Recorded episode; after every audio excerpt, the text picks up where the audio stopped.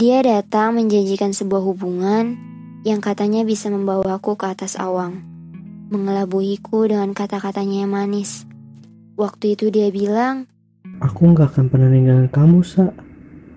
Kalau seandainya aku ngelakuin itu, berarti aku cowok yang bego banget yang nyanyain orang sebaik kamu. Tapi sekarang itu cuma sutas kalimat yang gak mau lagi aku dengar dari mana pun. Hubungan kita terlihat baik-baik aja di awal. Pacaran di tahun dan gak ada yang berkembang. Putus nyambung dan ya dia pernah ketahuan dekat sama perempuan lain. Tapi bodohnya aku tetap mempertahankan hubungan yang gak layak ini. Kemarin kamu ke mana kok? Aku main futsal sama temen. Kan kemarin aku udah bilang sama kamu. Dia bohong. Sejak kapan main futsal bisa berdali jalan sama perempuan? Aku coba biarin untuk kali ini. Kenapa nggak aku tanya langsung? Ngeliat dia bohong aja udah ngebuktiin semuanya kok. Nanti aku nggak bisa jemput kamu ya, Sa. Ada mata kuliah yang nggak bisa dilewatin. Ini penting banget. Ya udah, aku tungguin aja kamu di sini. Eh, nggak usah. Aku nggak mau kamu nunggu kelamaan, Sa. Mendingan kamu pulang daripada capek ya kan? Raut wajahnya terlihat panik, seperti rencana yang ia buat akan gagal kalau aku menunggunya. Aku pacaran sama Miko dari kelas 1 SMA, dan sekarang kami sekampus. Aku merasa perubahannya sejak awal masuk kampus. Dia yang susah sekali meluangkan waktu untukku dengan alasan yang bermacam-macam. Miko di SMA hanya laki-laki yang sering mengantar jemputku sekolah, mengajakku jalan dan menikmati waktu bersama. Dia orang yang sefrekuensi denganku. Wajar saja jika aku merasa nyaman dengannya, karena selalu ada obrolan yang terasa nyambung jika dengan Miko. Di awal semester 1 saat kuliah, dia sempat minta putus padaku. Kita putus aja ya, Sa. Kok tiba-tiba sih? Kamu kenapa kok? Ada masalah? Sa, bisa diem gak sih? Jangan buat aku banyak pikiran deh, Sa. Hidup aku tuh udah banyak pikiran. Jangan kamu tambah lagi dengan pertanyaan-pertanyaan kamu yang gak jelas ini. Kok, kita pacaran gak sebulan dua bulan loh. Kenapa kamu selalu ambil langkah sendiri tanpa ngelibatin aku di dalamnya? Apa aku sebegitu gak bergunanya buat kamu? Oh, aku tahu kenapa hubungan kita gak pernah berkembang. Karena kamu dari awal gak mau berjuang sama-sama dan cari tahu apa yang salah dari komitmen ini. Kamu selalu memandang segala hal dari pandangan kamu aja kok, tanpa ngeliat pandangan aku kayak gimana. Egois kamu. Hari itu aku meninggalkannya di parkiran kampus dengan perasaan kalut. Aku gak tahu kenapa Miko menjadi laki-laki pengecut yang sangat aku benci. Puluhan notif panggilan dan pesan darinya sengaja aku abaikan. Miko sampai datang ke rumah dan minta izin pada ibu untuk menemuiku. Tapi sebelum Miko datang, aku menitip pesan pada ibu bahwa aku tidak mau bertemu dengan Miko dulu.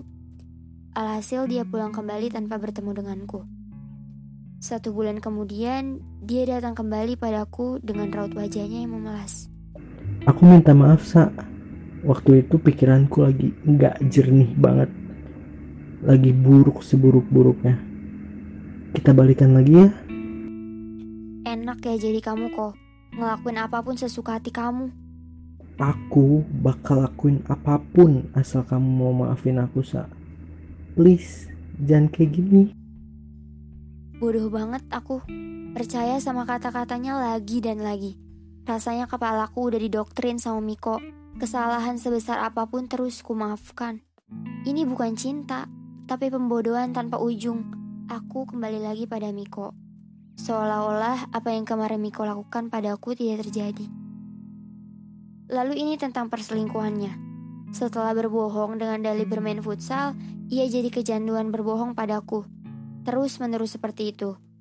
Aku pikir Miko benar-benar berubah. Kenyataannya lebih buruk, hanya manis di bibir. Itu semua fata morgana yang enggan aku akui. Hubungannya dengan perempuan itu sudah masuk ke tahap pacaran. Aku menemui perempuan itu. Dia menceritakan kenapa Miko bisa lari padanya. Jangan tanya bagaimana aku bisa tahu selingkuhan Miko. Perempuan selalu punya cara jika disakiti seperti ini. Minggu pagi, aku sengaja berkunjung ke apartemennya tanpa sepengetahuan Miko. Ia kaget menemukanku di tempatnya pagi-pagi seperti ini. Loh, Sa, kok kamu di sini sih? Nggak bilang aku dulu lagi. Kan aku bisa jemput. Ngapain harus bilang-bilang? Kan sama pacar sendiri, bukan sama pacar orang. Mau ke mana kamu? Rapi bener pagi-pagi jemput pacar kedua. Lagi datang bulan ya? Sensi banget. Sini coba duduk dulu, duduk yang tenang, tarik nafas, terus coba ceritain ke aku kamu kenapa.